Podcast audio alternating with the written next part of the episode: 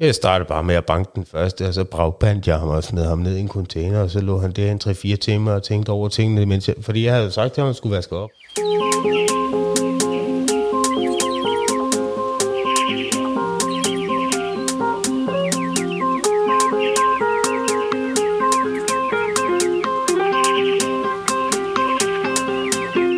Hej og velkommen til podcasten Mennesket bag dommen.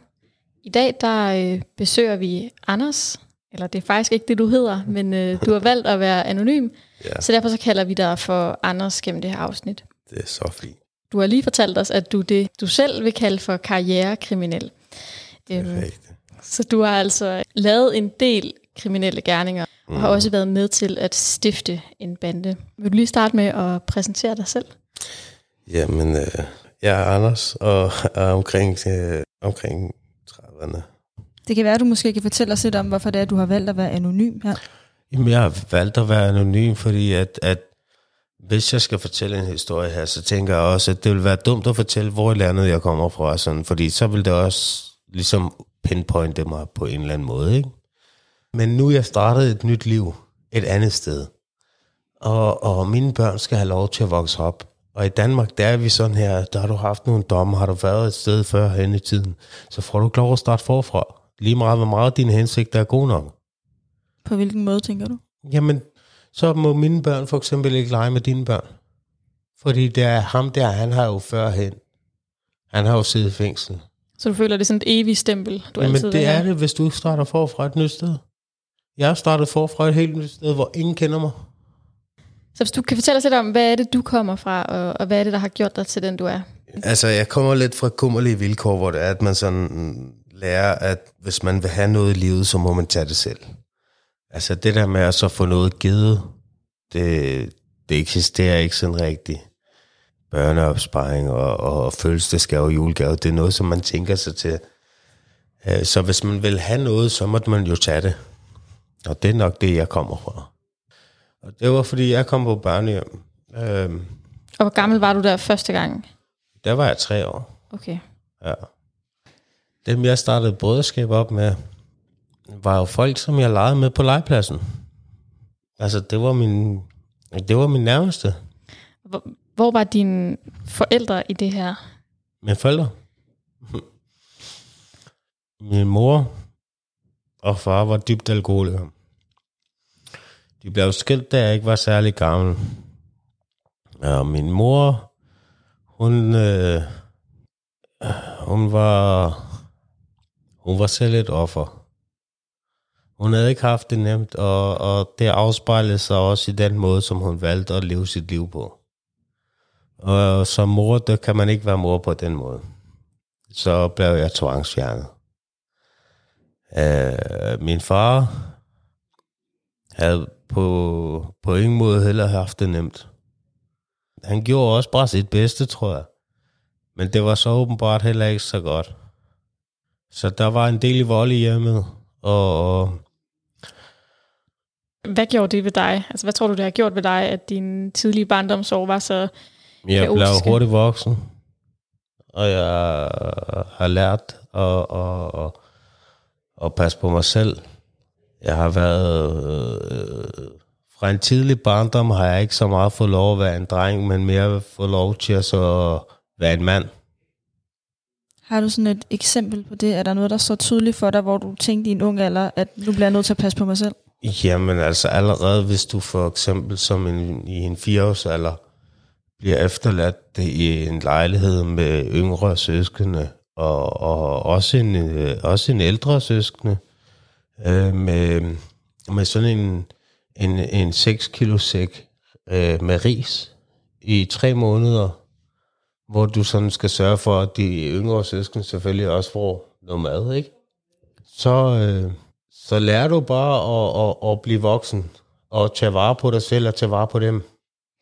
Det har du simpelthen oplevet, at blive efterladt i en lejlighed alene med dine søskende i tre måneder med en pose ris. Ja, blandt andet. Altså, der har været flere episoder. Det er jo ikke sådan noget, som der bare er et engangstilfælde. Det er jo sådan noget, som der er bygget sig op og hen ad vejen. Hvornår begynder du så at, at komme ud på et sidespor og, øhm, Lav ja, og lave kriminalitet? Jamen, jeg kan huske en episode. hvor mig og en kammerat, vi vælger at stjæle nogle ting op fra sådan en eller anden dagligbrugsbutik, ikke? Og jeg bliver taget, min kammerat når så at stikke af. Og så, jeg boede på børnehjem på det her tidspunkt, men bliver kørt hjem til mine øh, forældre. Og så siger øh, politiet til min mor der, jeg tror, din søn er kommet i dårligt selskab. Og så tager min mor fat i mig, trækker mig ind for, og så siger, var det så før eller efter, han mødte jer? Og så smækker hun der. Det synes jeg, de vidner jo også om en mor, der også selv er opvokset i et hårdt miljø. På en eller anden måde. Min mor, hun har, hun har oplevet det, som ingen børn at opleve. Fra en alt for fucked up far. Hun er deroppe, Ja. der sat op på en sjæl. Hvor gammel var du her? Du har så været under 18 første gang, du Der begår var jeg noget seks kriminelt. år. 6 Ja. år gammel. Ja, ja, altså, så, altså på at slap af, det starter der, det starter kun der, altså som syvårig begyndte jeg at stjæle biler, fordi det var, jeg skulle så ro i dem. Øh, jeg stak af fra børnehjemmet, øh, og som er det 9, 8, 9 år, der begynder vi at lave indbrud forskellige steder, og som øh, øh, 12-13 år, der begynder vi at lave mere økonomisk, vi vil have flere penge ud af det, vi laver. Og allerede som, som 15-årig, der begyndte jeg så også at lave væbnede røverier. Og, og lave nogle stykker af dem og få nogle domme for dem, men ja, altså man var jo øh, pisse ligeglad, så man, man troede sig ud fra alle de steder, de lukkede ind, en inden, ikke?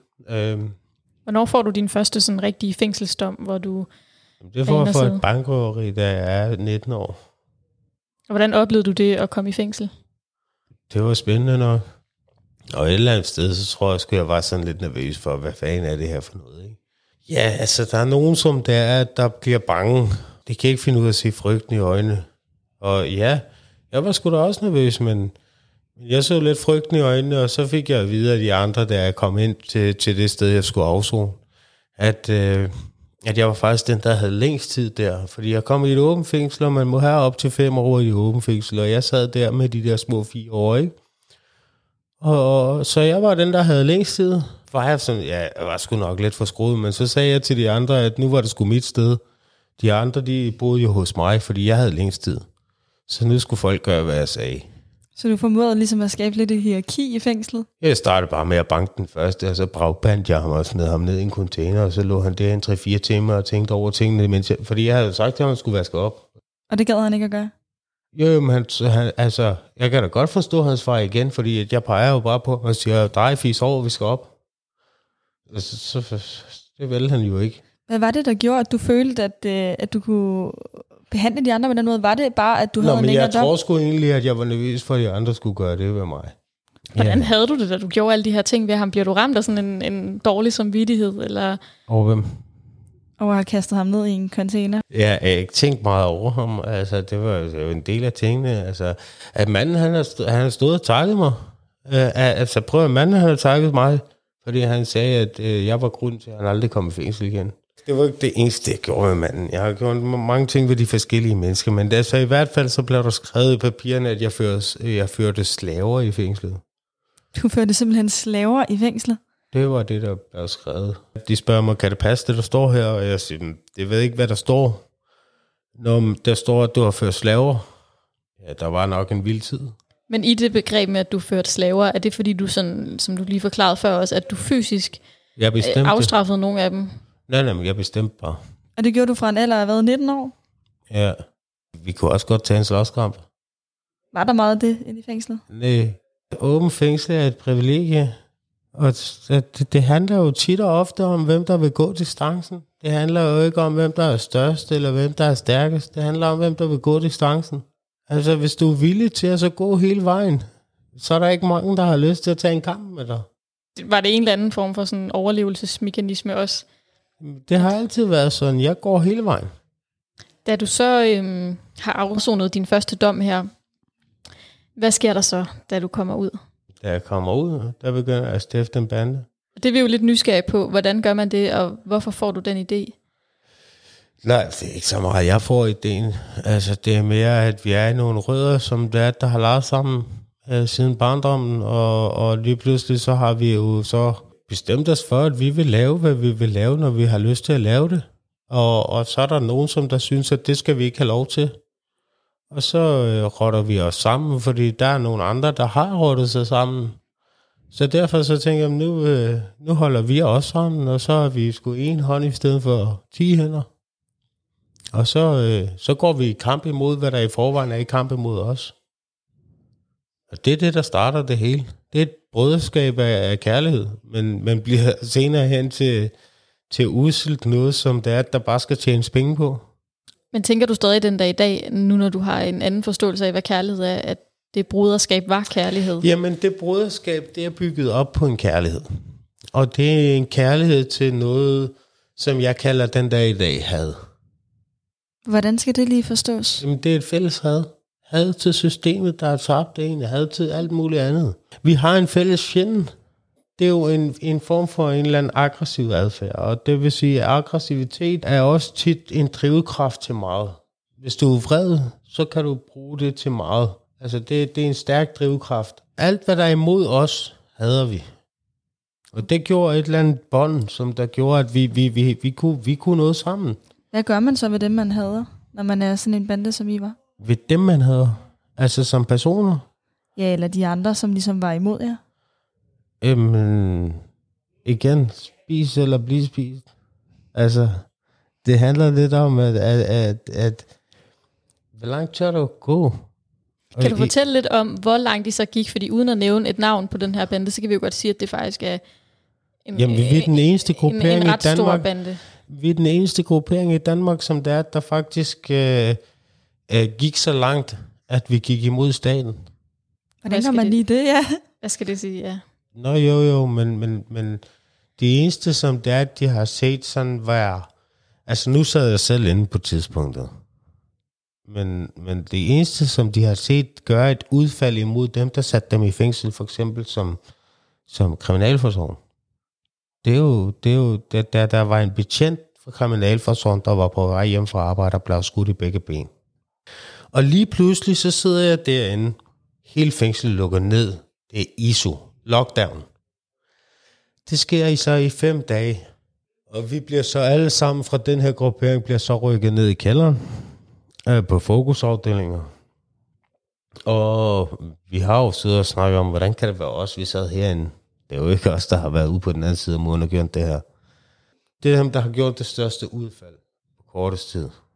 Grunden til, at jeg ved det, det er jo, fordi jeg sidder jo inde på det her tidspunkt, og faktisk er en af dem, der bliver straffet for det her. Hvordan kan det lade sig gøre, at du bliver straffet for det, når du sidder... Det De allerede har styr på dig? Det gjorde alle fra den gruppering, jeg var med i, blev faktisk straffet ved at blive sat under kummerligere forhold, eller alle de andre i fængslet blev jo åbnet op for ISO.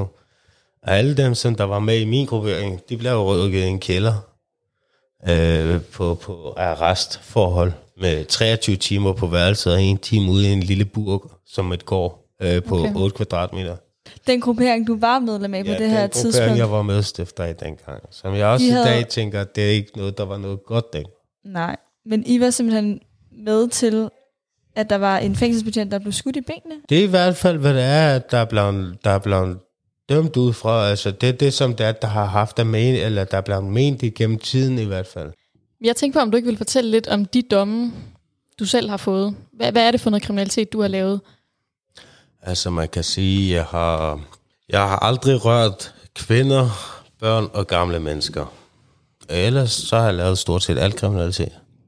Hvad skal det betyde for sådan en som mig, der måske ikke lige er Altså, helt jeg har lavet røverier, jeg har lavet øh, ja, med rø- øh, indbrud, jeg har lavet økonomisk kriminalitet, jeg har været narkokriminel, jeg har lavet øh, voldskriminelle handlinger, jeg har ja, berigelseskriminalitet. Altså, jeg har lavet mange forskellige kriminalitet, eller kriminelle handlinger, men jeg har aldrig gjort noget, som gjorde ud, gik ud over børn, øh, kvinder eller gamle mennesker. Altså, jeg har nogle uskrevne regler, Hvad er det? at, jamen, det er jo sådan, øh, hvad man skal sige, moral for mig.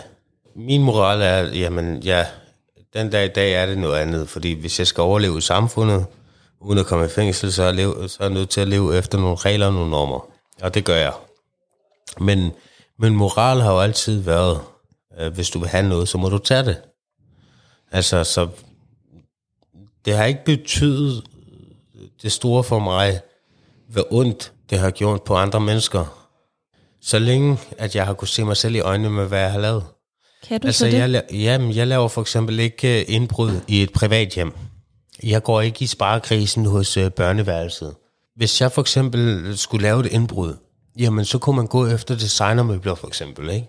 Men så gik man jo efter et firma, fordi der er tit øh, firmaer, som der har øh, store designermøbler stående i foyererne og sådan nogle ting. Fordi der var ikke et barn, der kom hjem og ikke kunne sove, fordi sparkrisen var tømt. Der var ikke en øh, kvinde, som ikke ville være i sit eget hjem, fordi der, de, der var blevet gennemrodet hele deres øh, system, eller hjem, eller hvad fanden man kalder det. Men er det en måde sådan at retfærdiggøre over for dig selv på, at så er det okay? For jeg tænker, der har Nej, måske men- også været men- nogle medarbejdere men- i det men- firma, der er blevet ramt om- af det. Om det er okay eller ej, det ved jeg ikke. Forsikringen betaler jo det her igen, og, og dagen efter, ja, det var da en god historie på arbejdspladsen. De har noget at fortælle, når de kommer hjem. Hey, der har været et indbrud på firmaet i dag. Åh, oh, okay. Du tror ikke, der er nogen af dem, der sådan også er blevet nervøse eller bange over For det? hvad? Jeg er ked af det. Jeg tror, det, der bliver spurgt om, det er, om jeg kan se mig selv i øjnene med det, jeg har gjort. Ja, får du aldrig dårlig samvittighed? Mm, det er egentlig det. Jeg har haft dårlig samvittighed over nogle ting, jeg har gjort. Men det har været over for dem, jeg har kært. Fordi jeg har ikke altid behandlet dem ordentligt. Der er tidspunkter, hvor jeg ikke har været der, hvor jeg skulle være der. Det har jeg da været ked af, ligesom alle andre mennesker. Jeg er ikke uretfærdig i mine handlinger. Altså, ja, ja, der er der måske nogle gange, hvor det er, at jeg har været en smule for aggressiv. Vi alle sammen kender at stå op om morgenen, og min, mit temperament er måske bare større end andres. Og så har jeg handlet på måder, som ikke har været helt sådan hensigtsmæssige. Men på de fleste tidspunkter, så har jeg handlet efter, hvordan jeg er blevet trådt over tæerne. Så det er jo ikke fordi, at jeg bare går rundt og slår løs på alle mulige mærkelige mennesker, sådan bare tilfældigt. Altså, jeg har altid været sådan, jeg starter med at, at, at komme med en håndsrækning. Jeg åbner min hånd, og hvis du vælger at vil spytte ned i den, jamen så tager du også, hvad der kommer derefter. Hvad så, hvis de her ting sker i dag? Nu siger du jo, at øh, du er kommet videre nu, og du er familiefar og har Mhm. en kone, der er, er rigtig god for dig. Men det virker som om, du stadig har den her tankegang med, at pisser man på dig, Nej, nej, så får man igen. nej. Har du det? Nej. Den dag i dag ser jeg mig som et større menneske ved at så kunne tale. Have en dialog omkring tingene, og faktisk kunne sådan verbalt give igen, hvis der er noget. Okay. Men, men, men jeg ser ikke det her længere. Øh, og det er jeg nødt til at lægge frem mig. Fordi jeg har også, som øh, jeg godt selv ved, det er jo, der har været sket meget lort i mit liv. Men meget af det lort, der har været sket, det har jeg sgu selv skabt. Ikke? Så jeg har sådan lidt ligget i den seng, som man selv har ret. Nå jo, øhm, følger du ikke loven, så kommer du i fængsel, og det er da ikke sjovt at sidde derinde og savne sin familie. Så er det da rigtig røv nogle gange at sidde der. Men, men, men stadigvæk så har jo, det har jo været noget, jeg har gjort, der har gjort, at jeg er kommet dertil. Ikke? Det er jo ikke fordi, der er bare nogen, der har sagt, nu skal du i fængsel. Bum. Nej, nej, det er, noget, det er en handling, jeg har gjort. For hver handling, der er her i livet, der, der, der træffer du en beslutning. Du tager jo så konsekvensen af det. Der er ikke nogen fremtid i at bruge nutiden på at ærge sig over fortiden. Men for lige at gå lidt tilbage, så kunne jeg ikke lade være at tænke over, at du sagde til os lige før noget med, at du var øhm, flygtet fra et fængsel. Kan du ikke prøve at fortælle lidt om det? Øh, første eller anden eller tredje. Hvornår? Det er simpelthen sket flere gange. ja. Jamen, Hvordan, øh, altså, ja, bare, ja. ja. Fortæl, Men jeg er hvordan sådan her, hvis fungerer jeg det? ikke gider være i fængsel, så går jeg. altså, det er i åben fængsel, du kunne gå. Ja, og så var der et lukket fængsel, hvor det var, jeg valgte at tro mig ud. Altså en Ja, fængselsbetjent. ja, altså, jeg havde prøvet flere gange at komme ud, og jeg kunne ikke rigtigt. Der var, jeg havde prøvet at skrue nogle loftplader ned. Jeg havde prøvet på at smadre noget vindue ved at så varme det op. Det jo sådan noget panserglas og sådan noget, og det, det virker sgu ikke rigtigt for mig på nogen af alle de måder, jeg, jeg havde prøvet det. Og så, så valgte jeg at spidse en, en tandbørste på radiatoren, og så tog jeg en af dem, som en af nattevagterne der som gissel. Så fik jeg nøglerne og låste to andre med ud, og så stak vi sgu af. Ja. Tænk du over, hvad det gjorde ved den nattevagt, så at personen blev holdt som gissel af dig. Nej. Det rørte dig ikke. at dengang, der var jeg 16 år gammel, og jeg skulle ud okay. og holde nytår. Og hvordan fandt de dig så igen? Øh, de, det var fordi, at vi jo... Vi havde jo så gået på togskinner, og vi havde taget nogle tog og blevet smidt af og sådan noget forskellige steder. Jeg ville så over til en kammerat i København sammen med de her to gutter. Så, så vi valgte at tage over til, ville tage over til en kammerat i, i, i København der. Og bliver så smidt af toget i Nyborg, og kan ikke rigtig komme over broen, så jeg tager over til en søster. Og så øh, var Nyborgs øh, politi, de var jo så, deres hundepatrulje var på øvelse den dag, og så fået et hint om, vi var der. Så lige pludselig så stod der jo så, holdt der ni salatfad nede foran med, tilførende hunde og, og betjente og sådan. Og så blev vi taget med der, og så sad jeg så i Nyborg fængsel der i 14 dage som 16-årig. Okay. Men du siger jo, at du øh, for alvor først kom i fængsel, da du var 19? Eller var Jamen, det, det var jo voksenfængsel. Og så det var et ungdomsfængsel, du var stukket af fra? Ja, det var Ely. Okay. Og der kom du ud fra? Med ja. to andre? Og en tandbørste. Nu prøver vi lige at springe lidt videre. Den her podcast, den hedder jo Mennesket bag dommen, og hvis du selv skulle sige lidt om, hvad der har gjort dig til det menneske, som vi sidder med i dag, hvem er det så, vi har, vi har snakket med? Jeg snakker med en familiefar, der har en meget beskidt baggrund. Øh, og den dag i dag ser jeg en stor glæde i at gå til familiekomsamst og, og bare være en hyggelig fætter. jeg har fundet mig en familie, jeg har fundet mig en kone, som det er, at jeg elsker over alt på jorden, som der har sørget for, at, at, at alt det, jeg ikke har fået i livet, som jeg har søgt hele livet, jeg har søgt familieliv, alt det, jeg ikke fik fra starten, alt det, som alle børn, de vil have, de vil have tryghed, de vil have varme, de vil have kærlighed. Det har jeg fået med den kone, jeg har fundet nu. Jeg har haft forhold før, øh, øh hvor det er, at, at, at jeg har aldrig elsket nogen på den måde, som jeg elsker hende i dag. Og det, øh, det, at, det, det kan jeg jo mærke, fordi jeg har haft dybe forhold med, med andre før, hvor det er, at jeg ligesom, der har bare aldrig været det samme, som der er her. Så, så, så selvom man har troet, man elskede før, så fandt man bare ud af, jamen, så meget elskede man egentlig ikke, da man fandt ud af, hvad rigtig kærlighed kan være. Så det er faktisk også i et sted i dine 30'er, at du har fundet ud af, hvad rigtig kærlighed er? Ja. Jeg har da ikke oplevet det før. I stedet for så at sige, jeg elsker dig, så sagde man, jeg vil tage en kugle for dig. Har du lært at sige, jeg elsker dig nu så? Ja, jeg har fundet ud af, hvad det betyder. Og hvis nu vi besøgte dig igen om et år, hvad mm. tror du så, du vil lave? Ja, det må tiden jo vise. Men jeg tænker faktisk, at det var sådan nogenlunde det. Tusind tak til dig, som vi kalder for Anders, for at du har lyst til at medvirke i vores podcast. Hvis jer, der lytter, kunne tænke jer at høre lidt mere om mennesket bag dommen, så kan I finde os på Facebook og på Instagram med tagget mennesket bag dommen. Og hvis det er sådan, at der sidder en derude, der kunne tænke sig at fortælle sin historie til os, så er I også meget velkommen til at kontakte os på enten Facebook eller på Instagram.